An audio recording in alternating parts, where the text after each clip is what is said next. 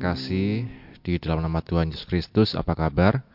Puji nama Tuhan, pada sore hari ini kita dapat kembali bertemu secara online dalam pendalaman Alkitab hari Kamis. Mari, sebelum kita bersama-sama belajar dari firman Tuhan, kita berdoa. Bapa, kami bersyukur untuk kesempatan yang kau beri pada kami di sore hari ini Tuhan. Kami akan belajar dari firman-Mu, Bukalah hati kami, pikiran kami, untuk kami dapat mengerti kebenaran-Mu, dan mampukan kami roh kudus untuk kami dapat melakukan firman-Mu. Kami bersyukur hanya di dalam nama Tuhan Yesus kami berdoa. Amin. Puji nama Tuhan, Bapak Ibu Saudara sekalian. Pada hari Kamis ini kita akan kembali melanjutkan pembahasan kita dari surat Kolose. Di waktu yang lalu kita sudah sampai di ayat yang ke-16 yaitu tentang Tuhan Yesus itu bukan ciptaan melainkan dia sendiri adalah pencipta.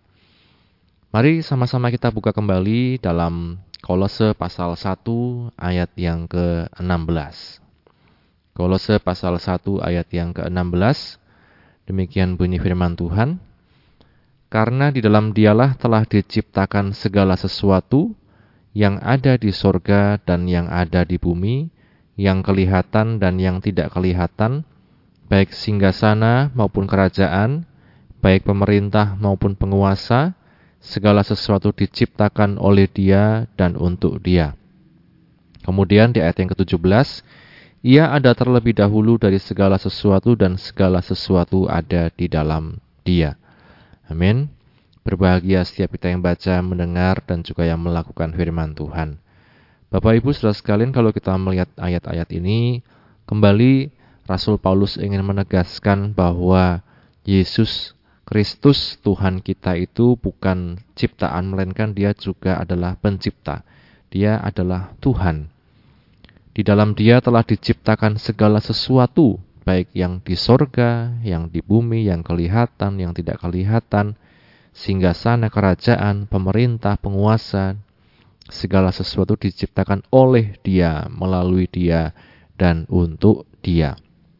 Di waktu lalu kita belajar bagaimana Yesus itu juga terlibat dalam penciptaan. Bapak Ibu saudara sekalian, Tuhan Yesus terlibat dalam penciptaan. Maka dikatakan, marilah kita, kalau di dalam kejadian itu ya, membuat manusia seperti gambar dan rupa kita. Nah, kali ini di ayat yang ke-17, Paulus kembali menegaskan, ia ada terlebih dahulu dari segala sesuatu dan segala sesuatu ada di dalam dia. Amin. Kalau kita renungkan Bapak Ibu saudara sekalian, kalau kita renungkan sering kali kita menghitung atau sering kali belajar atau diceritakan tentang silsilah. Silsilah kehidupan kita. Kalau saya ada darah Batak, sering kali orang bertanya, si Hombing yang mana? si Hombing dari siapa? Lalu yang marga apa? Karena dalam si Hombing itu ada empat. Ada Silaban, ada Hutasoid, ada Nababan, ada Lumban Turuan. Itu tergabung dalam yang namanya marga si Hombing. Nah sering kali orang bertanya, kamu si Hombing yang mana? Kemudian kalau saya katakan saya Silaban. Silaban yang nomor berapa? Nah ini orang Batak Bapak Ibu sangat memperhatikan silsilah-silsilah urutan-urutannya. Karena apa? Karena mereka kemudian akan bisa menentukan akan memanggil saya sebagai apa. Apakah sebagai abang, apakah sebagai adik, apakah sebagai itok, dan lain-lain. Walaupun mungkin usia saya lebih muda Bapak Ibu saudara sekalian, kalau dalam nomor silsilah itu ayah saya lebih tua, lebih duluan, maka mereka yang lebih tua manggil saya abang, ya, memanggil sebagai abang. Nah, kita melihat dalam kehidupan dunia ini seperti yang saya katakan tadi, sering kali orang begitu memperhatikan, mementingkan siapa yang duluan, siapa yang lebih pertama, utama, siapa yang terlebih dulu. Nah, Tuhan Yesus, Bapak Ibu Saudara sekalian, kalau dalam Kolose dia dikatakan lebih utama dari segala sesuatu. Segala sesuatu ada di dalam dia dan segala sesuatu itu diciptakan oleh Dia untuk Dia. Bapak Ibu Saudara sekalian, bicara tentang utama bukan bicara tentang urutan pertama diciptakan. Bukan bicara tentang urut-urutan, tetapi tentang yang diutamakan, yang dispesialkan, yang begitu utama dalam kehidupan setiap pribadi kita. Yesus, ia lebih utama dari segala sesuatu. Jadi bukan tentang urutan pertama. Nah, ini yang sering dipakai oleh orang-orang di luar sana. Yesus itu dikatakan ciptaan karena ayat yang mengatakan ia lebih utama artinya dia pertama diciptakan. Padahal bukan itu maksud dari firman Tuhan. Maksudnya adalah tentang keutamaan, utama Bapak Ibu, yang diutamakan. Nah, maka dalam ayat 17 ini Rasul Paulus kemudian memberikan satu penegasan, ia ada terlebih dahulu dari segala sesuatu dan segala sesuatu ada di dalam dia. Bapak Ibu sudah sekalian kalau kita bayangkan, kalau kita hitung-hitung, siapa yang uh, terlebih dahulu ada? Ayah kita, kemudian kakek kita, kakek, kemudian buyut kita, kemudian diurut terus sampai ke atas, dan kita akan kemudian menemukan siapa yang pertama. Tapi di atas semuanya itu kalau kita melihat Bapak Ibu, kalau secara Alkitabiah, kita melihat bahwa sampai ke atas itu adalah Adam. Adam dikatakan sebagai ciptaan awal mula-mula.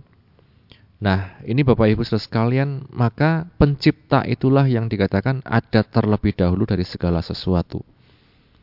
Kalau kita bayangkan lagi dalam kehidupan ini benda-benda Bapak Ibu Saudara sekalian, siapa yang menciptakan misalnya kayu, menciptakan meja, meja berasal dari kayu, kayu berasal dari pohon, pohon berasal dari apa? Kalau kecil itu benih dan seterusnya. Benih berasal dari mana? Kalau kita pikir-pikir terus asal mula segala sesuatu. Itu apa? Banyak teori-teori ada yang mengatakan dunia ini diciptakan karena satu ledakan. Maka ada teori Big Bang. Ada kemudian berbagai macam mitos-mitos, legenda-legenda yang kemudian diciptakan manusia untuk menggambarkan penciptaan dunia ini. Tapi kalau kita kembali pada firman Tuhan, dikatakan Tuhanlah yang menciptakan. Dia ada terlebih dahulu dari segala sesuatu. Jadi, inisiatifnya adalah dari Tuhan. Bumi, segala isinya, manusia termasuk di dalamnya, bukan terjadi karena satu kebetulan, tapi karena ada satu rencana Tuhan dalam kehidupan kita. Ia ada terlebih dahulu dari segala sesuatu, dan segala sesuatu ada di dalam Dia. Amin. Nah, maka apa yang dapat kita maknai di sini Bapak Ibu Saudara sekalian? Pertama adalah kita menghargai pencipta kita. Seperti yang lalu saya katakan, kita tahu bahwa Yesus itu pencipta, bukan ciptaan. Maka kita belajar untuk menghargai bahwa dialah pencipta segala sesuatu di dalam dunia ini termasuk setiap kehidupan kita, sel-sel dalam tubuh kita, organ-organ tubuh kita, fungsi-fungsi tubuh kita semuanya itu dari Tuhan, Bapak Ibu Saudara sekalian. Nah, maka kemudian apa yang kita maknai lagi bahwa kita perlu tahu apa sebenarnya maksud dan rencana Tuhan atas kehidupan kita. Secara sederhana dalam Efesus pasal yang kedua kita melihat Bapak Ibu Saudara sekalian, Efesus 2 ayat yang ke-8 sampai 10. Sebab karena kasih karunia kamu diselamatkan oleh iman itu bukan hasil usahamu tetapi pemberian Allah itu bukan hasil pekerjaanmu, jangan ada orang yang memegahkan diri. Karena kita ini buatan Allah, diciptakan dalam Kristus Yesus untuk melakukan pekerjaan baik yang dipersiapkan Allah sebelumnya. Ia mau supaya kita hidup di dalamnya. Ia mau supaya kita hidup di dalamnya. Di dalam apa? Di dalam pekerjaan baik yang sudah Tuhan rancangkan dalam kehidupan kita pribadi lepas pribadi. Kita ini buatan Allah ciptaan Tuhan, diciptakan dalam Kristus Yesus.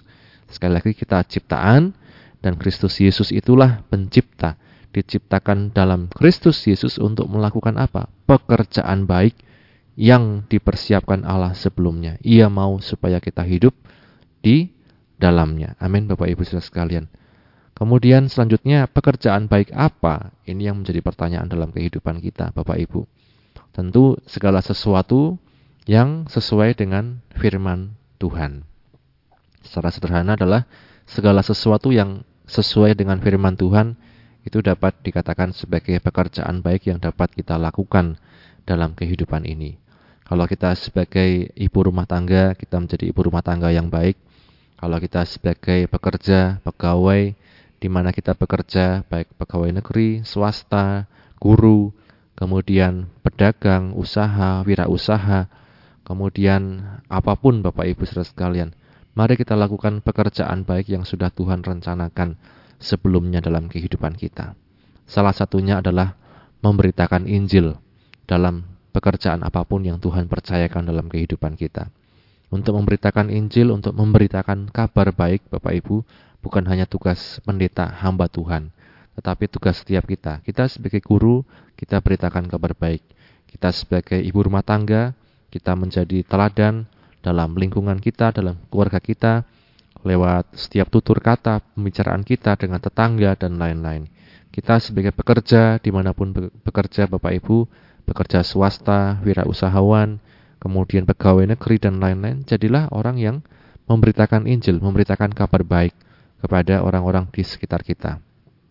Ini Bapak Ibu saudara sekalian yang patut kita renungkan dalam kehidupan kita, bahwa dia adalah pencipta kita, bahwa Tuhan itu sudah ada terlebih dahulu dari segala sesuatu. Artinya bahwa dia itu yang menjadi sumber pokok dalam kehidupan kita.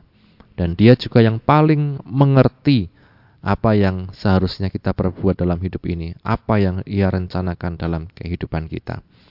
Satu ayat Bapak Ibu Saudara sekalian di dalam Yeremia pasal yang ke-29 ayat 11, Yeremia 29 ayat yang ke-11, Sebab aku ini mengetahui rancangan-rancangan apa yang ada padaku mengenai kamu.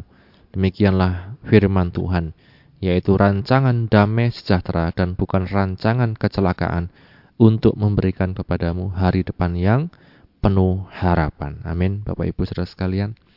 Kita melihat di sini Tuhan punya rancangan. Rencana itu artinya sesuatu yang belum terjadi tetapi sudah direncanakan, rancangan sesuatu yang menjadi gambaran apa yang akan terjadi di masa depan, rancangan yang ada padaku mengenai kamu, bukan rancangan kecelakaan, tetapi dikatakan itu adalah rancangan damai sejahtera dan bukan rancangan kecelakaan. Bapak Ibu saudara sekalian, apa pun yang terjadi dalam kehidupan kita saat ini, firman Tuhan katakan Tuhan sudah merencanakan yang baik dalam kehidupan kita.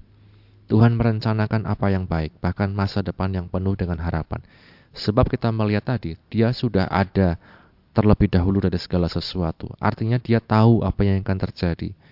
Dan bukan hanya tahu, tapi dia merencanakan yang baik, masa depan yang penuh harapan bagi setiap kehidupan kita yang percaya kepadanya.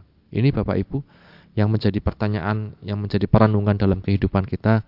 Seringkali kita goyang, galau, dan lain-lain karena apa? karena kita tidak tahu ke depan seperti apa. Maka dibutuhkan yang dinamakan iman dalam kehidupan kita untuk melihat rancangan rancangan Tuhan yang baik dalam kehidupan kita, untuk melihat masa depan yang penuh harapan dalam kehidupan kita. Apakah kemudian semua itu terjadi begitu saja? Tentu saja tidak. Kita andalkan Tuhan, kita percaya pada Dia dengan sepenuh hati, dan jangan bersandar pada pengertian kita sendiri. Nasihat firman Tuhan dalam Amsal Sulaiman kita melihat Amsal pasal yang ketiga, Amsal yang pasal yang Amsal pasal 3 ayat yang kelima, percayalah kepada Tuhan dengan segenap hatimu dan janganlah bersandar kepada pengertianmu sendiri. Seringkali yang menggagalkan kita, Bapak Ibu saudara sekalian adalah kita mau dengan pengertian kita sendiri melakukan segala sesuatu. Kita mau dengan kebijaksanaan kita sendiri, pengertian kita sendiri. Dan sering kali Bapak Ibu ini yang menjadi masalah dalam kehidupan kita. Kita jalani segala sesuatu dengan pengertian kita sendiri. Misalnya tentang ibadah. Kita kemudian, ah gampanglah nanti bisa ibadah. Gampanglah kapan-kapan besok. Bapak Ibu saudara sekalian, mari kita kembali pada firman Tuhan. Ibadah itu dikatakan berguna bukan hanya untuk masa ini tapi juga masa yang akan datang. Bukan hanya berguna sementara tapi juga untuk kehidupan yang akan datang. Maka jangan kita tinggalkan ibadah. termasuk kita online ini Bapak Ibu saudara sekalian berapa banyak kita yang sungguh-sungguh untuk online dalam kehidupan ini dalam masa pandemi ini berapa banyak kita yang bisa sungguh-sungguh konsisten mengikuti PA misalnya mengikuti ibadah-ibadah dan lain sebagainya firman Tuhan katakan percayalah kepada Tuhan dengan segenap hatimu dan janganlah bersandar kepada pengertianmu sendiri jangan bersandar pada pengertian kita sendiri Oke, kita pinter, oke kita hebat, oke kita mungkin dikasih Tuhan talenta, karunia, atau berbagai macam hal yang menyenangkan. Tapi cobalah untuk kita rendahkan hati, rendahkan uh, ego kita. Percayalah kepada Tuhan dengan segenap hatimu dan jangan bersandar pada pengertianmu sendiri. Repot Bapak Ibu sekalian kalau kita bersandar pada pengertian kita sendiri, kemudian kita menomorduakan firman Tuhan. Apakah kita masih baca Alkitab, misalnya setiap hari dalam kehidupan kita? Apakah kita masih mengutamakan Tuhan dalam kehidupan kita, dalam apa pun yang kita kerjakan? Percayalah kepada Tuhan dengan segenap hatimu, ini berbicara tentang iman. Percaya dengan segenap hati dan jangan bersandar pada pengertianmu sendiri. Berbicara tentang manusia sering kali mengutamakan, mengandalkan pikirannya sendiri. Beriman, mengaku beriman, tapi yang diutamakan pikirannya sendiri. Tapi mari kita belajar bahwa kalau kita percaya bahwa Dia ada terlebih dahulu dari segala sesuatu, bahwa Dia adalah yang utama dalam kehidupan kita, mari kita utamakan Tuhan dalam kehidupan kita pribadi lepas pribadi. Kita kembali pada Kolose pasal 1 ayat yang ke-17. Sekali lagi kita baca, ia ada terlebih dahulu dari segala sesuatu dan segala sesuatu ada di dalam dia. Artinya dalam segala hal yang terjadi dalam kehidupan ini, kita percaya ada campur tangan Tuhan. Tuhan tidak lepas tangan, Tuhan tidak membiarkan. Untuk orang-orang yang percaya kepadanya, beriman kepadanya, segala sesuatu dapat dimaknai sesuai dengan kacamata firman Tuhan. Karena Bapak Ibu saudara sekalian, mari kembali kita akui dia sebagai pencipta. Ia terlebih dahulu ada dari segala sesuatu dan segala sesuatu ada di dalam dia termasuk kita sekalian dikatakan diciptakan oleh Dia untuk Dia, artinya hanya untuk kemuliaan nama Tuhan. Kehidupan kita sebagai orang percaya Bapak Ibu, apa pun profesi kita, jabatan kita, di mana pun kita berada, firman Tuhan katakan kita diciptakan untuk pekerjaan baik yaitu apa? Untuk memuliakan nama Tuhan, diciptakan oleh Dia dan untuk Dia. Biarlah firman Tuhan pada sore hari ini menjadi kekuatan bagi kita sekalian dalam menjalani hari demi hari, tetap percaya, tetap beriman pada Tuhan, dan jangan bersandar pada pengertian kita sendiri. Mari sama-sama kita berdoa. Bapak kami bersyukur untuk kesempatan yang kau beri pada kami di sore hari ini. Kami bersama-sama belajar dari firman-Mu bahwa Engkau ada terlebih dahulu dari segala sesuatu. Engkau adalah pencipta dan segala sesuatu ada di dalam Engkau Tuhan. Bahkan kami pun manusia Tuhan diciptakan oleh Engkau dan hanya untuk Engkau Tuhan, untuk memuliakan namamu ya Tuhan. Biarlah kami menyadari hal ini Tuhan, sehingga dalam menjalani hidup ini kami tetap percaya sungguh-sungguh segenap hati dalam Engkau Tuhan, dan tidak mengandalkan pikiran kami sendiri, pengertian kami sendiri ya Tuhan, yang sering kali terbatas Tuhan. Kami bersyukur ya Bapa, berkatilah setiap anak-anakmu yang sudah mendengar firman-Mu di mana pun mereka berada Tuhan, yang sakit disembuhkan, yang lemah dikuatkan, yang susah dihiburkan, yang sedang ada dalam permasalahan Kau yang berikan jalan keluar ya Bapak. Kami bersyukur ya Bapak, kami sudah terima firman-Mu dan hanya di dalam nama Tuhan Yesus kami sudah berdoa syukur haleluya. Amin. Puji nama Tuhan, Bapak Ibu Saudara sekalian, Tuhan Yesus memberkati. Amin.